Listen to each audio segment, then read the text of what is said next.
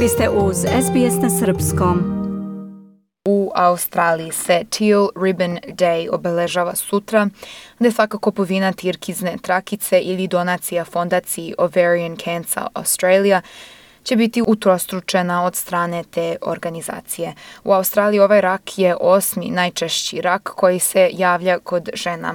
Rak jajnika je najsmrtosniji malignitet ginekološkog porekla, a razlog je što ova bolest ne daje skoro nikakve simptome, a kada se jave, tada je bolest u već odmokloj fazi i procenat izlečenja u svetu je 30 odsto.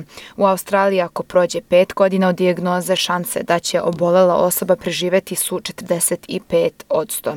Lekari širom sveta su složni u tome da su redovne kontrole jedini spas, iako nema pravila, pre svega treba da budu oprezne žene koje imaju genetske predispozicije kao i one u 50. godinama. Sa nama više o simptomima popričala je izvršna direktorica organizacije Ovarian Cancer Australia, gospođa Jane Hill. Speaking about early detection and how crucial it is, kad je reč o ranoj dijagnozi, koliko je to presudno u lečenju i oporavku? I za sve one koje slušaju, možete li nam reći neke načine da se na pametan način zaobiđe rizik?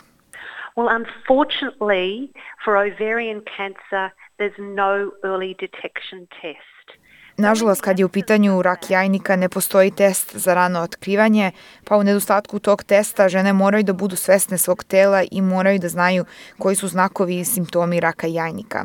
A to uključuje bolove u stomaku i predelu karlice, osjećaj sitosti, čak i ako se malo jede, potreba da se učestalo ide u toalet ili naduvana stomaka. Većina osoba susreće se sa ovim simptomima, ali ako je to nešto novo za vas ili ako se pojavljuje u periodu od 4 do 6 nedelja, preporučujemo da se javite svom lekaru opšte prakse. we recommend that you consult your GP. Yep, some good advice there. Thank you, Jane, for speaking with me today, and all the best for the rest of your work during this month, particularly, but also the rest of the year. Thank you so much.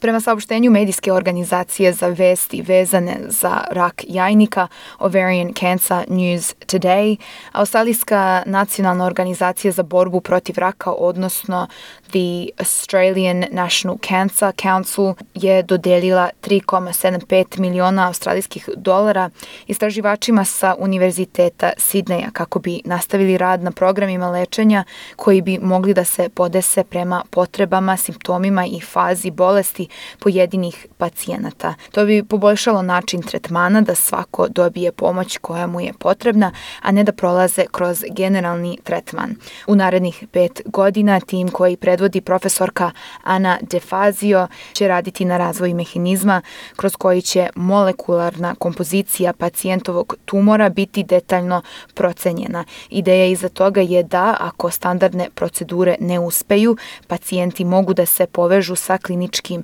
istraživanjima bazirani na njihovim specifičnim molekularnim profilima kancera. Kao što smo ispomenuli u Australiji 45 od 100 obolelih žena živi preko 5 godina nakon diagnoze. Tim se sada nada da će efektivniji načini lečenja poboljšati tu statistiku. Za više informacija o Teal Ribbon Day i o raku jajnika možete posetiti web stranicu ovariancancer.net.au ili popričati sa vašim doktorom opšte prakse. Dajte like, podelite, komentarišite. Pratite SBS Serbian Facebook profil.